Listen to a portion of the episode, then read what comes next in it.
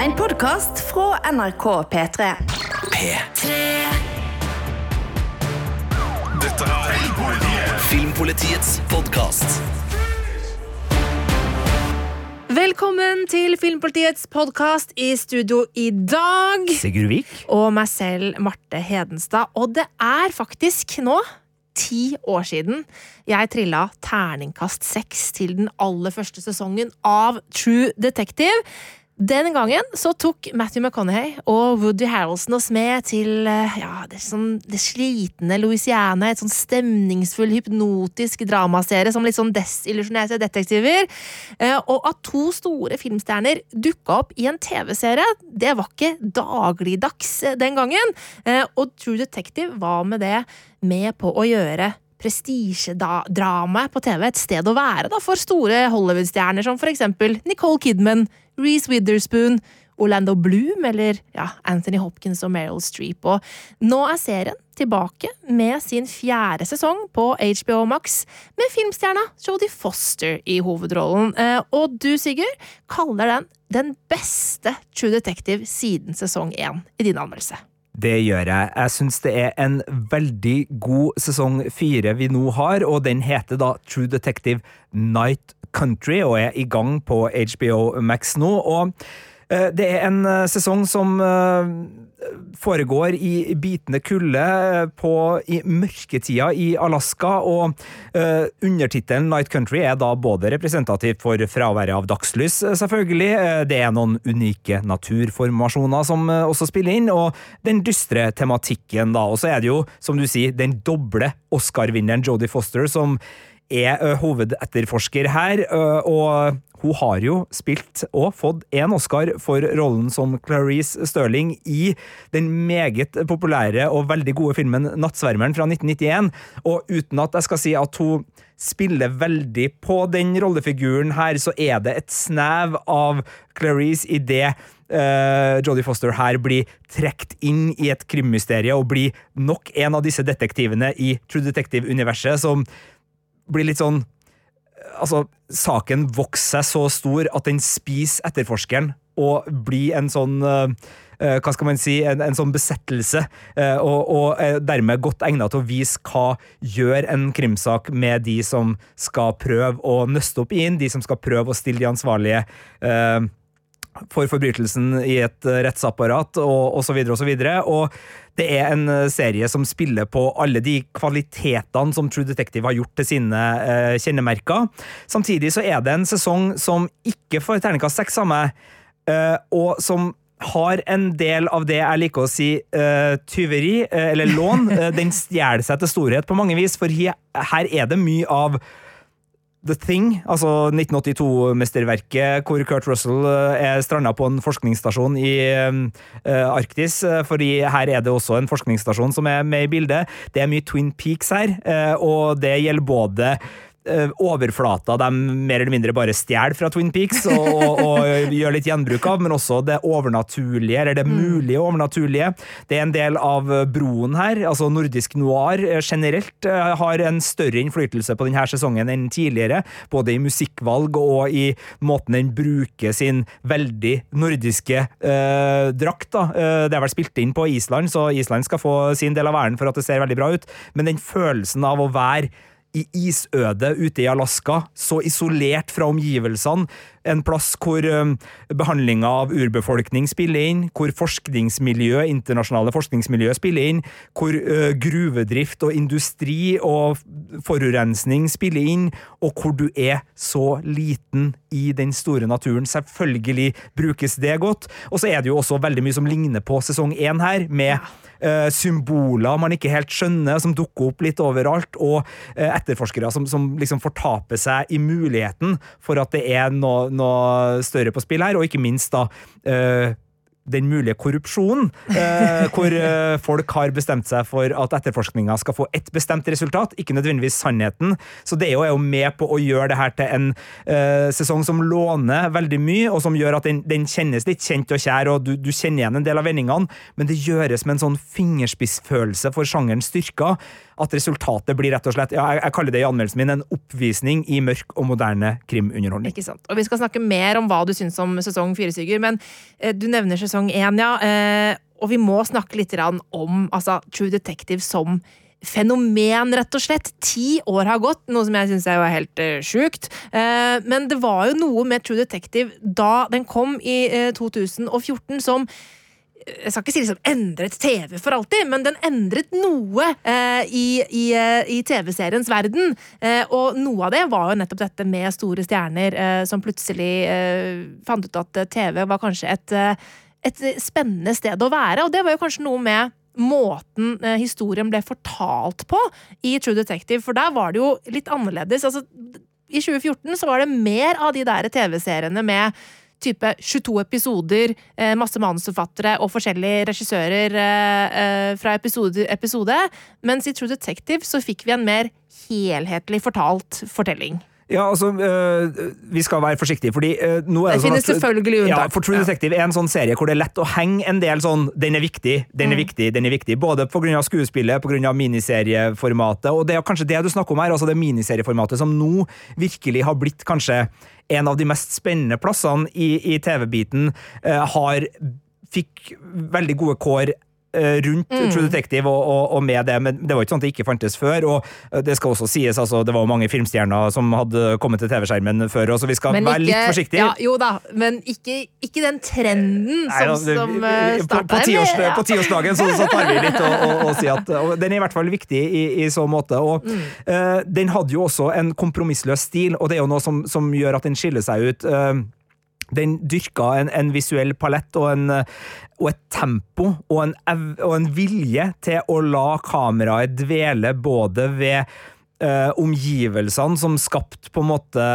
det jordsmonnet som historien utspiller seg i. For det er jo et mm. særegent miljø. Vi er i Louisiana.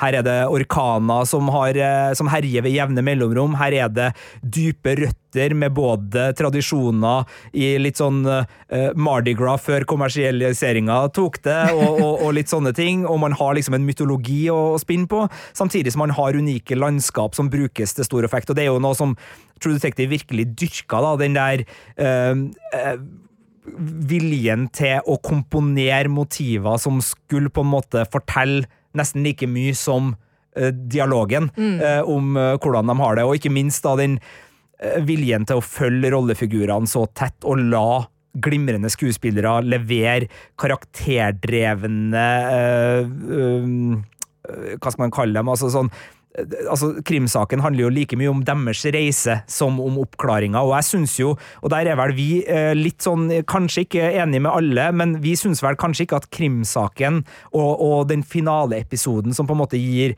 den tilfredsstillende mm. avsløringa av hva som virkelig har skjedd, er det beste med serien. Jeg, jeg var skuffa over siste episoden. Jeg syns den er et stilbrudd som jeg ikke helt er forsona med. Jeg så den igjen nå nylig. Jeg er fremdeles ikke helt på lag med den, men den er så god opp til da, fordi rolleprestasjonene til jeg vil si spesielt Matthew McConney Jeg må, ja. jeg må ærlig innrømme at jeg syns ja. det er hans rollefigur som er den som men, men den trenger jo, uh, trenger jo Woody Harrelson sin for å, for å fungere. Men altså, det er noe der som, som bare skaper en helt unik verden, og, og, en helt sånn Den livsfilosofien hans, måten han uh, spill, samspiller med andre på i avhør, spesielt, hvor han sitter og drikke øl og tvinne liksom, sånne metallfigurer ut av tomme ølbokser og, og sigge hardt. Ja, nei, det, det, det, er noe der som skaper mye av magien da, med hvorfor jeg tror True Detective på en måte skilte seg ut ja. såpass mye som den gjorde, spesielt i krimlandskapet, hvor den hadde veldig mye mer dramaserie i seg enn mange mm. andre, i hvert fall av amerikanske serier, uh, men, men, også liksom som en prestisjeserie fra HBO, som nå da med den fjerde sesongen viser seg igjen da som en av de merkevarene HBO HBO nå har uh, å spille på, etter at Game of Thrones og Westworld har gått ut av uh, tiden. Eller, det er ikke helt riktig, da, for House of Dragon dundrer jo på, men, men, men True Detective er én av flere store merkevarer som HBO fremdeles eh, har i, i serieuniverset, og det skyldes mye den veldig gode første sesongen. Absolutt. Eh, og eh, i forberedelsen til den podkasten her, så eh, fant jeg frem gammel, en gammel sak på Forbes.com. som, som var henta fra et sånt TV-seriepanel på en filmfestival. Ivy Filmfestival eller noe sånt nå, i 2014, eh, hvor da eh, produsenten eh, for serien, eller en av produsentene for serien eh, var der og prata. Eh, Richard Brown heter han. Eh, og det var så interessant, fordi det handla litt om hva som en av grunnene som gjorde at True Detective kunne få det formspråket og være så på en måte i hermetegn fullendt eh, som den ble. Og det handler jo om at eh, da serieskaper Nick Pizzalatto og eh, regissør Keri Fukanaga fikk en veldig mye større kreativ kontroll enn den type TV-serier hadde pleid å ha tidligere, og det handla om at serien var, eller prosjektet var mer, mer eller mindre ferdig før det ble kjøpt opp av HBO. Eh, Istedenfor at sånn som det vanligvis blir gjort, at et, et nettverk eller en strømmetjeneste eller whatever eh, kjøper en idé eh, om en serie, og så får de lov å være med og på en måte påvirke hvordan den, eh, det produktet skal bli underveis. Mens her så var det på en måte en kreativ kontroll i, i utgangspunktet, hvor de lager et prosjekt på sin måte, og så selger det inn. Og grunnen til at de kunne gjøre det på den måten, ifølge da eh, Richard Brown, da, eh, var at eh, det var den der oppstartstiden for strømmetjenestene, hvor de var på jakt etter store, nye, eh, spennende titler. eh, At man da kunne selge inn på den eh, måten. Um, og da var det visstnok spesifikt Netflix og HBO-konkurransen da, som, som eh, gjorde det mulig for dem. Eh, og det er jo noe som vi ser har på en måte Det, det er jo ikke eh, landskapet i dag. Eh, nå er det jo andre veien. Vi ser jo eksempel på Netflix-serier hvor stor eh, kontroll på det kreative eh, Netflix-produsenter eh, har på mye av seriene som kommer der, eksempel. Ja, og der kan man jo nesten si at eh, True Detective har blitt en del av problemet i en positiv forstand for True Detective sin del, enn så lenge den er god, men, men det er jo det at når du først har en merkevare i dagens landskap, så er det å ha et, allerede, en, et publikum som allerede kjenner til merkevaren din, er verdt så mye at det er vanskeligere å ta sjansen på en helt ny eh, serie, som da True Detective var uh, den gang da. Fordi, uh, ja, ok, uh, eh, vi har kanskje ikke verdens beste idé for sesong fem, men vi vet at eh, mange kommer til å sjekke den ut, og veldig mange kommer til å anmelde den, det kommer til å bli skrevet mye om, eh, det kommer til å bli snakka om, så vi får på en måte strømmetjenestenavnet vårt ute i sfæren hele tida. Så, så, så, så det, det er jo en logikk i, i, i litt sånn eh, konstant endring på ett vis, men, men nå ser vi jo ganske stor endring, for nå har det jo vært en strømmekrig som har pågått i den perioden siden ja, 2012, da, med Netflix sin start, men altså siden da True Detective uh, starta sin, eh, sin ferd, som nå har endra seg fordi Uh, ja, det har vært to store Hollywood-streiker som har gått mye inn på liksom, ok, hvordan betaler strømmetjenestene for seg når det gjelder opphavsrett og, og, og bruk til, til de, de tar inn. Vi har sett plutselig at en serie som Suits, som er en gammel serie som har gått på lineær-TV, blir liksom den store hiten, fordi den får et nytt publikum, men uh, de fikk ikke nødvendigvis så godt betalt for det. Uh, og vi ser også at uh, det har blitt brukt veldig mye penger på å posisjonere seg blant strømmetjenestene ved å f.eks. bruke masse penger på storserier som True Detective, men nå så må man kanskje begynne å leve litt mer etter eh, altså, eh, tæ- tæring etter næring osv., som, som gjør at vi ikke helt vet hvordan strømlandskapet eh, kommer til å se ut, og dermed også hvordan viljen til å satse på så jeg sier ordet igjen, kompromissløse serier som det True Detective var. Og det er kanskje litt rart å, å høre, fordi man tenker jo på det som en ganske sånn mainstream-produksjon, og det er det jo, men som du var inne på, i mainstream-landskapet så var True Detective eh, noe som skilte seg veldig ut Ja. da den kom, og den kom jo på ei tid hvor det var en vilje til å gjøre sånne ting. Vi hadde jo en, uh, gikk tilbake og kikka på en topp fem vi laga i 2015, jeg og du, Marte, i forbindelse med påska da, Ja. uh, også snart ti år siden, uh, med liksom sånn, hva er de beste krimseriene på 2010-tallet? Ja. Og da var det jo fem serier som havna på den lista.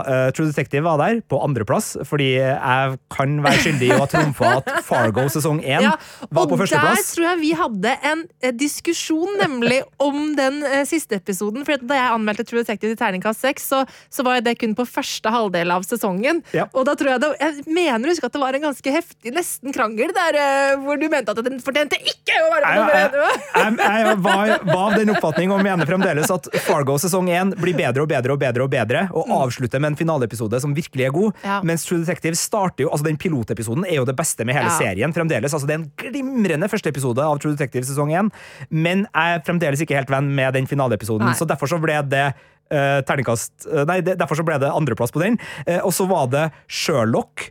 Luther og Broen som uh, fylte ut resten av den. Og De er ulike serier. Jeg Kan si at Fargo og True Detective har fått noen likhetstrekk etter hvert, men altså, de fem seriene viser også hvor viljen var flere plasser i TV-landskapet til å lage uh, krimserier som både skulle være underholdning, men som skulle ha sine særpreg. Altså Luther dyrka antihelten med Idris Elba i hovedrollen, laga et nesten sånn Batman-aktig London, et Gotham, eh, der han skulle være antihelten.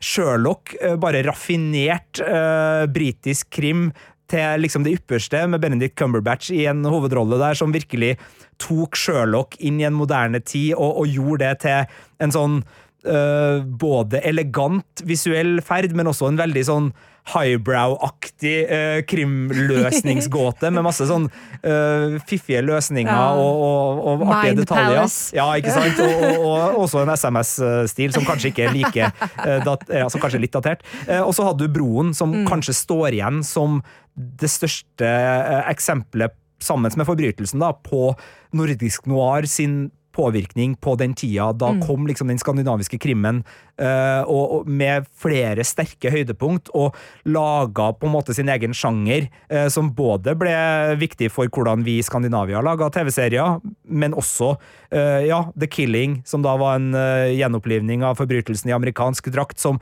også hadde noen likhetstrekk med hvordan True Detective så ut, så, så, så ting henger jo sammen der. Men, men den tida, det var en veldig spennende tid for uh, krimserien, både i antologi- og, og miniserieformatet, som True Detective og, og Fargo var da, men også fordi det var en vilje til å gå og lete etter om ikke nye detektivnavn, så i hvert fall nye måter å, å bygge de her universene på, og uh, hvordan man, man på en måte kanskje gikk litt mer eh, røft og kompromissløst til verks og jeg vil jo si da, av de så er jo True Detective sesong 1 den mest kompromissløse. Eh, som er en prøvelse for veldig mange TV-serier som var vant med tre kvarter, CSI, Castle, Bones osv. Jeg har jo hørt folk kalle sesong én av True Detective for kjedelig. Ja. Eh, fordi den var såpass saktegående og seig eh, og dvelende, som du jo sa i stad.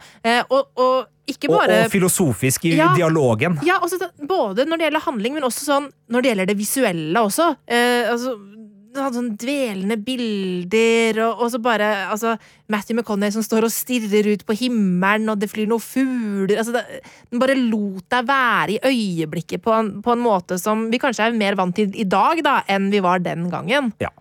Eh, Og så har han jo fått noen oppfølgere eh, som uh, i sin samtid har fått litt ulik uh, Ja. behandling. Altså, du var jo blant de som ga terningkast fire til oppfølger sesong to. Stemmer. Og, uh, ja. og det og det har vi, vi har jo snakka om dette på kontoret, så vi trenger ikke late som at vi ikke har snakka om det.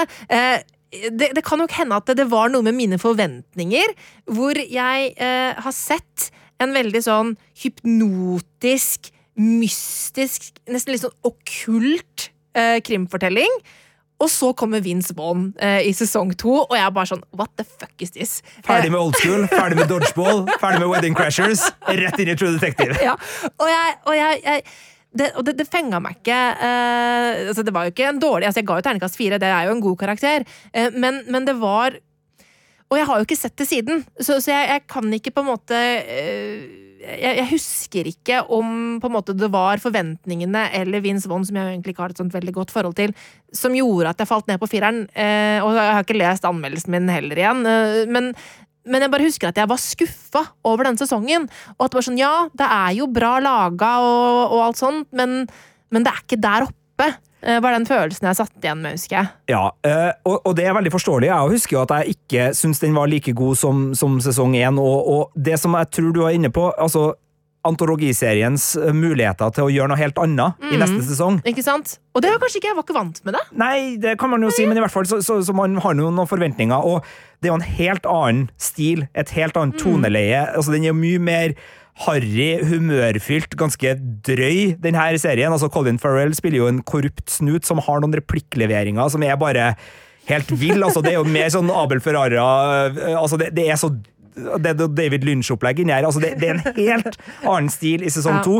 Spesielt en replikk Nei, altså en, en, en scene hvor uh, Colin Farrell, som da er far til en øh, gutt som blir mobba på skolen, fær hjem til bølla og banker faren foran øynene til bølla. og Jeg husker ikke hva han sier, men han sier altså så mye drøyt. som er sånn bare sånn, altså Det er sånn replikker her som er helt av hengslene, og det er jo også Colin Farrell sin rollefigur. Han er av hengslene. Så har du da Rachel McAdams som spiller en annen etterforsker, Taylor Kitsch som spiller en tredje, og de tre er liksom alle litt sånn eh, folk som avdelingene gjerne vil kvitte seg med, så de blir satt sammen på en sak som ikke skal oppklares. Og det, der, har man jo litt sånn eh, Det, det store greia, så er jo Vince Vaughn da en gangster som også prøver å finne ut hva som har skjedd, for han har tapt masse penger i en sånn her eiendomsgreie hvor det skal bygges noe jernbane, og så eh, er det liksom om å gjøre å ha billig eiendom, sånn at du kan få en del av verdistigninga når den kommer.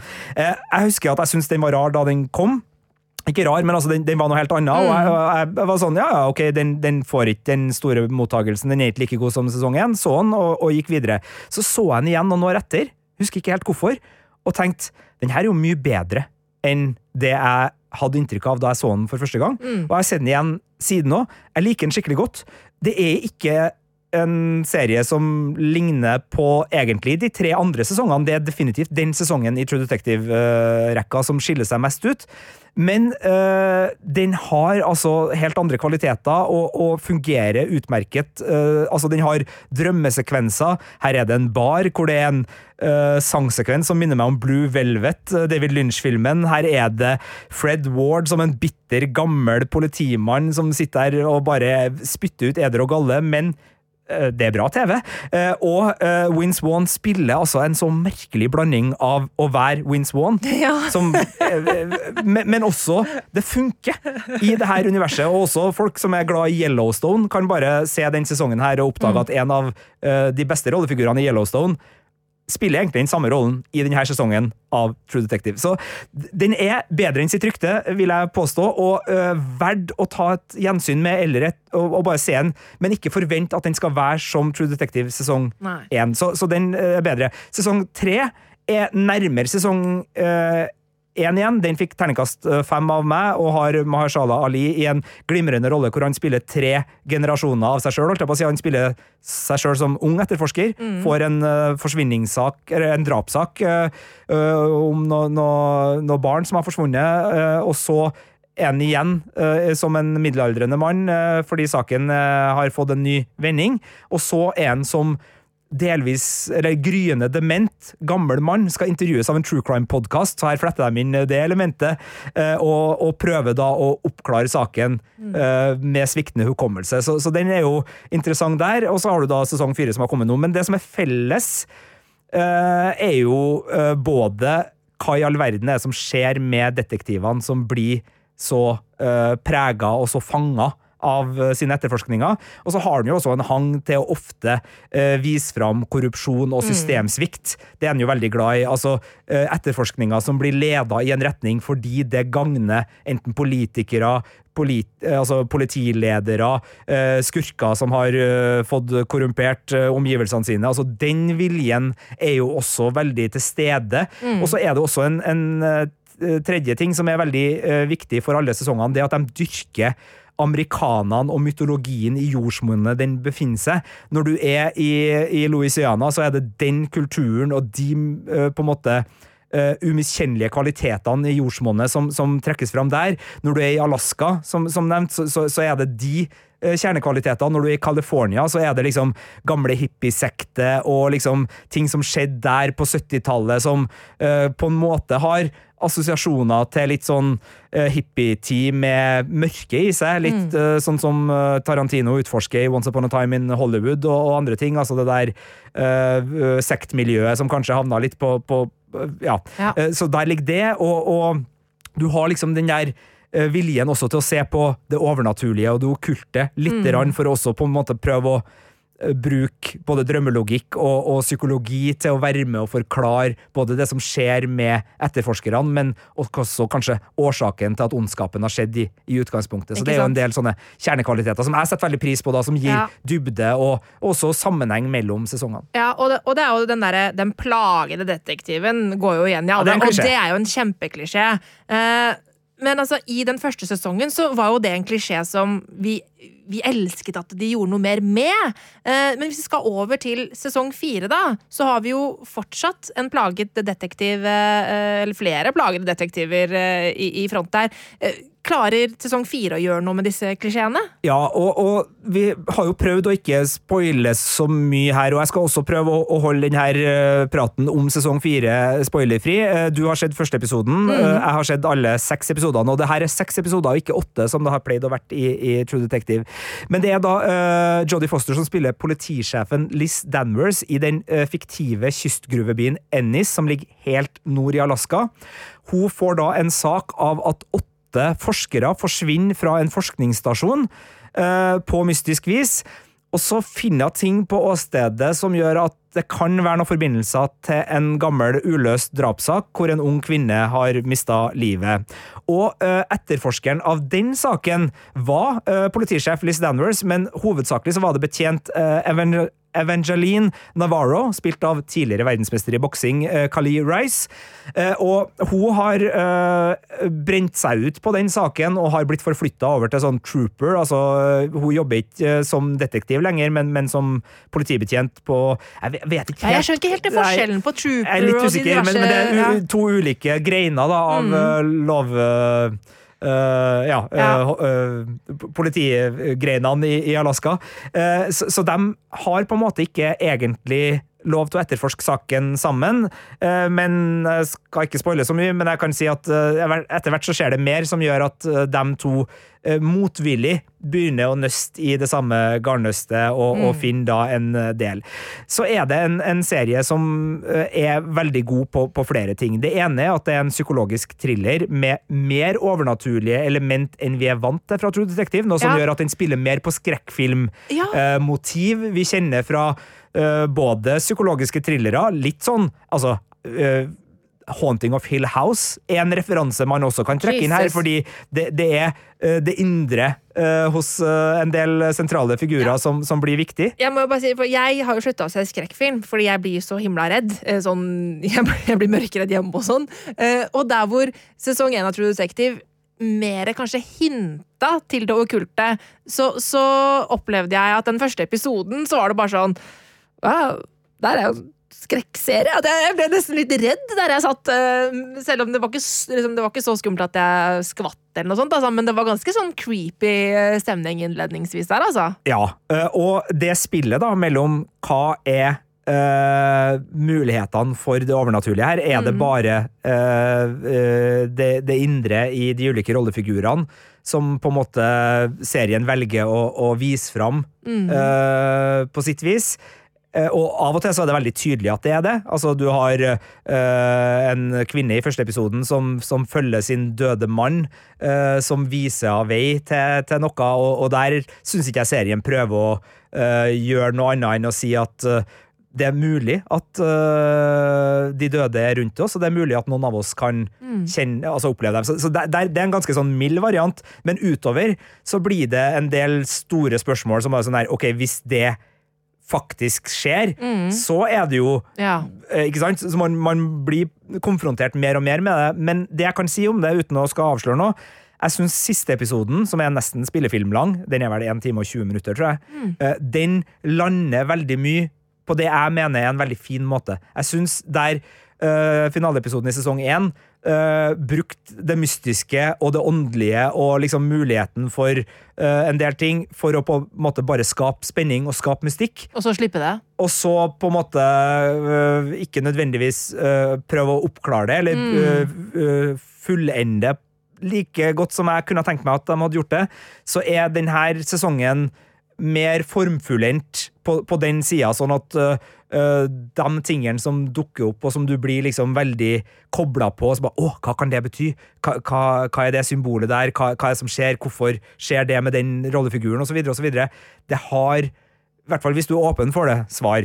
Å, men, men du må være altså sånn, Jeg sier ikke at det, det kommer ei sløyfe på, og Nei, at det på en måte dyttes ned i halsen på TV-publikummet, men, men jeg syns den klarer å lande veldig mye av det den bygger opp av mystiske, mulig overnaturlige hendelser. Både okay. uh, når det gjelder på en måte uh, de greinene som går ut mot Alaska, urbefolkninga, den nomadiske urbefolkninga som er der, symboler som finnes, men også uh, det som på en måte mer gjelder den plagede detektiven.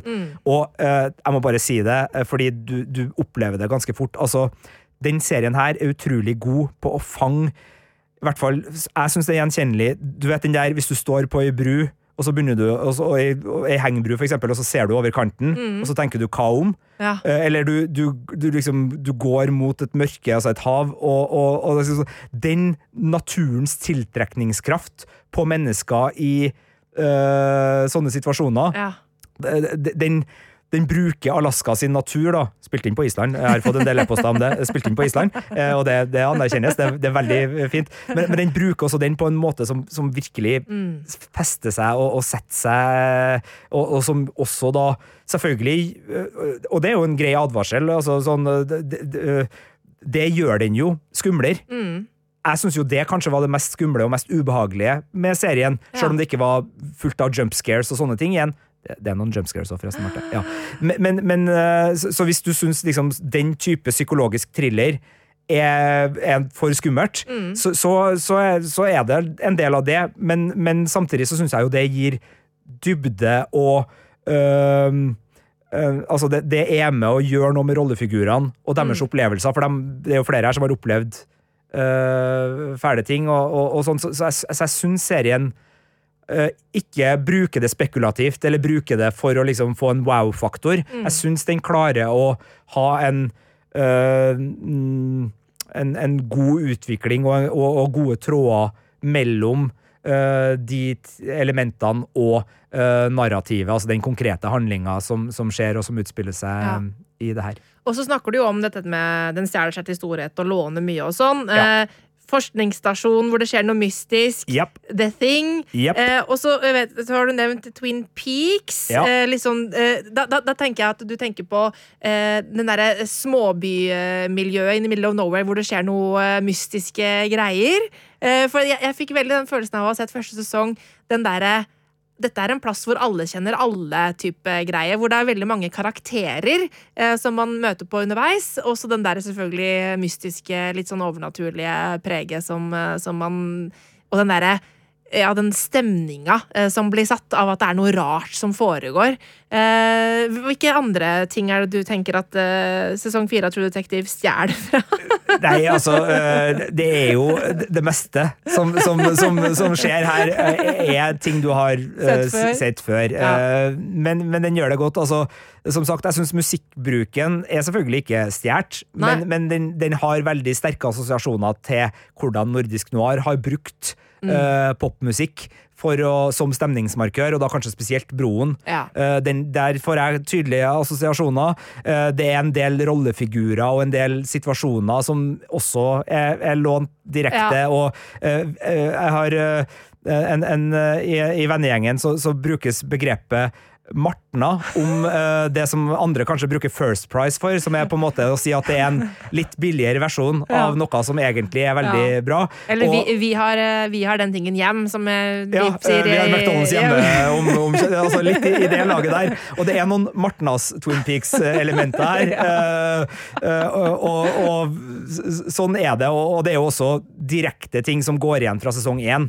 Ja, ok. Eh, men, men det er jo et veldig eh, greit Ja, ja, tjuveri. Altså det, det må jo være lov. Men, Ja. og, det, og det er mye, som sagt. eh, altså Jodie Foster og, og uh, Carly Rice sine rollefigurer som de etterforskerne. Ja. Uh, det, det, det er ikke bare Den originale det, er, det er mye der. Og også og andre uh, og, og mm, jeg kan jo også si at Fiona Shaw, kjent blant annet fra Ja. Andor, spiller også en sånn rollefigur som du kan Jeg elsker, si at du, jeg elsker at du sier 'kjent blant annet fra Andor'. Jeg bare sånn, ja, ok. Ja da, man, man eh, pl- plukker jo anledninga til å nevne favorittserier. Jeg Kan også si at John Hawks, kjent fra Deadwood, Mm. eh, en av eh, eh, de gode heltene der, spiller Mm. også en, en fin birolle. Og Christopher Eccleston, kjent fra Doctor Who, spiller en veldig god birolle. Så det er skuespillere her som gir eh, såpass mye hva skal man si, altså de, de gir såpass mye kvalitet og umiddelbar interesse for de karikerte birollefigurene at sjøl at de er karikert og, og gjør akkurat det du forventer at en sånn person som kommer inn i livet til etterforskerne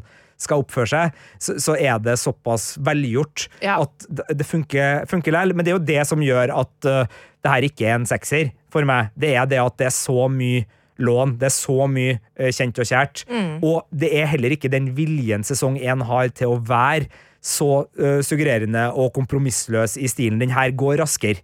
Ja. Den, er, den flyter kjappere. Og jeg kan også si at eh, eh, fra eh, Mike Flanagan, da, som har laga en del, bl.a. Midnight Mass, eh, House of Usher, The Fall of the House of Usher-serien og, og Haunting of Hill House, han kunne også på en måte ha sagt sånn Men skal ikke jeg få en liten sjekk for eh, de tingene dere har lånt fra okay. mine TV-serier? Å, herregud, jeg har jo ikke turt å se eh, Haunting of Hill House fordi at det er ikke alltid de seriene som er skummelt, Marte. Så, så det ikke Ok. det. Men, men, men altså, så, så, den har jeg, jeg, jeg sitter men, men, men det der er sikkert uh, ulikt fra, fra publikum til publikum. Jeg opplever at den låner. Ja. Men det handler jo om hva man vil se, og hva man legger i det, og de assosiasjonene man får. Så selv om jeg får assosiasjoner til musikkbruken i Broen, til uh, uh, skumle ting fra, fra Haunting of Hill House, fra forskningsstasjonen i The Thing, Ja, ja. fra Bob i Twin Peaks, Ja. så er det jo ikke sikkert at andre gjør det. Nei. Eh, fordi man har jo et unikt sett med, med preferanser som man mater inn i. Men jeg syns i hvert fall summen av eh, sånne opplevelser i eh, Night Country er, er såpass stor at jeg valgte å, Mm. Ja. å, å, å si at den, den stjeler seg til storhet eh, Ja, her, da. ikke sant? Eh, Men selv om det er Martnadsbob som, som på en måte er med her, så er det jo terningkast fem. Og det betyr jo at du syns det er bra og du koser deg med det. Og, og jeg har jo bare sett den første episoden, men jeg syns jo det var en veldig god start. Og, og vi må jo bare snakke litt grann om altså, ho hovedrollene her. For altså, jeg syns det var så gøy å se Jodie Foster i, en sånn her type eh, rolle. Og Én en ting er den derre ja, plagedetektiv og liksom det å kaste seg ut i et uh, prosjekt som på en måte man blir litt sånn obsessed med. uh, men hun er faen meg funny òg! Jeg, hun, jeg, jeg lo mange ganger i løpet av den første episoden. Jeg syns Hun- hun, hun er skikkelig kul. Hun er uh, ja, eh, hun er jo en fortreffelig skuespiller som har eh, en kvikk replikk også i, i virkeligheten, men hun f- har virkelig på en måte funnet personligheten her, og øh, det er jo selvfølgelig øh, mange positive eh, egenskaper med denne rollefiguren eh, og det hun prøver på, og det er lett å få forståelse, samtidig som det er kledelig mange karakterbrister som Jodie Foster også gjør mye ut av. Eh, du kan bli irritert på denne personen, Ja. og på en måte hvor hun velger å stoppe, og hvor hun velger å ikke uh, ta den praten, hvor hun velger å ikke uh, gjøre en del sånne ting, men det er jo eh, forbaska godt skuespill Mm. når det får deg såpass engasjert at du sitter her sånn Nei, men må, Ja. ja, Kom igjen, da! Eh, Så, så hun får jo virkelig uh, mye ut av det her. Og det er jo en, en, en kritikk som har uh, vært mot True Detective uh, opp igjennom flere sesonger, at eh, den litt sånn eh, giftige maskuliniteten, hvis vi skal si det på norsk, altså, altså det, det har vært mye uh, karer som har uh, oppført seg ganske bedritent uh, mot spesielt kvinnfolk uh, opp gjennom sesongene, og de har fremdeles liksom landa litt sånn på godsida av seriene. Eh, og det er jo ikke nødvendigvis noe negativt, fordi det er vel en skildring av hvordan eh, mange av de her miljøene har vært, så du kan på en måte si at det, Det er realistisk. Det, det er realistisk, eller det, det de gir fiksjonstroverdighet eh, til, til skildringa. Men det er klart, uh, du kan også velge å uh, ta blikket litt bortenfor og, og, og se mer problematisk, altså Hvilke stereotypier og eh, elementer er som opprettholdes ved at seriene portretterer det på, på den måten. Så var jo Rachel McAdams mm, på en måte sin rollefigur eh, på ett vis et lite brudd med det i sesong to, men på andre vis så gikk vel hun også Du kunne på en måte argumentere for at hun gjentok en del av de samme eh, detektivlytene, eller altså problemene. Eh, og også Jodie Foster og eh, eh, Kelly Rice sine rollefigurer er en blanding. Altså, de er på på veldig mange måter eh, en, Det er veldig fint at man får andre perspektiver, og at man har to kvinnelige etterforskere som, som går løs på det her. Eh, så har de også en del av de samme uh, uh, feilene som en del av de detektivene vi har møtt uh, tidligere, når det gjelder alkoholkonsum, måten de bruker sex på, hvor voldelige de er, mm. og hvordan de utagerer når de er på sitt mørkeste. Så, så det er ikke sånn at denne sesongen her er fri for de elementene som kanskje noen har syntes at True Detective har vært uh, litt tung på labben, og kanskje også litt klisjéfullt. fordi det er jo det med at en etterforsker som ikke får det som en vil, går ut og banker noen. Det er jo ikke akkurat helt originalt det heller. Eller en etterforsker som uh, er utro eller bruker sex uh, på en måte for å på en måte Hva skal man si? Altså øh, avreagere Ja. Fra det som man, man har på, på Opplevd, liksom. opplevd, og, og hvordan man har det på Så, så de elementene er også her i, i denne sesongen. Uh, jeg syns det, det er, løses uh, godt, og jeg, jeg, som sagt, altså det her er underholdningskrim. Jeg lar meg underholde av det her, men det er klart, hvis uh, man syns det der antihelt-politietterforskeren har gått for langt, så er ikke True Detective kuren som, som på en måte reverserer det på noe som helst vis. Syns jeg i hvert fall ikke jeg, da, i Nei. denne sesong fire, for den lastefulle detektiven Ja, ja, ja. eh, så til de grader eh, til stede. Men jeg syns det er veldig nydelig å, å se spesielt Jodie Foster, som er en, en skuespiller som, som gjør det eh, utrolig bra her. Men jeg er også imponert over Cally Rice, som jeg syns eh, spiller eh, rollen både med eh, de småvittige og kvikke replikkvekslingene som gjør at politipartnerkonflikten og litt den der buddycop-kjemien svinger mellom de to. Og så syns jeg også hun har Uh, mer enn nok av liksom de uh, actionferdighetene og den dybden som gjør at den herda og litt klisjéfulle betjenten Evangeline Navarro blir en, en eh, eh, troverdig, oppslutt detektiv som, som eh, har både de problemene på privaten og den fullstendig oppslukte uh, greia med å løse saken, som, som gjør at hun blir, uh, blir interessant. Ja. Åh, Jeg har ikke spoila noe, har jeg? Du har ikke spoila noe som helst. Jeg har bare sett første episode og har ikke følt meg spoila. Eh, Jeg gleder meg til å se resten av sesongen og spent på om jeg er enig da med din eh, femmer, for du har jo sett alle episodene. Så, så ja, det var True Detective også. Eh, Det blir en sånn eh, deilig tid fremover, det kjenner jeg. Er det ikke på mandager det kommer, eh, tror jeg? Og det er jo snøfullt og mørkt her for tida akkurat nå også, så det passer jo da å kanskje liksom gå til mørketida i Alaska og bare se på noe spennende greier. Ja, og det fine er jo, gratulerer med tiårsdagen True Detective. Ja. Sesong 1, 2 og 3 ligger jo også i HBO-spilleren, så hvis du øh, enten syns det er lenge å vente imellom episodene, eller får lyst på mer, uh, så er det muligheten. Jeg velger å anbefale alle fire. En podkast fra NRK. Jeg heter Trude Lorentzen, og det siste året har jeg forsøkt å komme til bunns i en underlig kriminalsak. Det er noe med øynene hans. Han ser veldig spesiell ut. Historien om 13 år gamle Adam som begynner på en ungdomsskole i Oslo. Det er helt surrealistisk å få tak på hva som egentlig skjedde. Gutten er ikke den han utgir seg for å være. Det er veldig tilrettelagt for å gjennomføre en type dekkeoperasjon. Hør Mysteriet Adam i appen NRK Radio.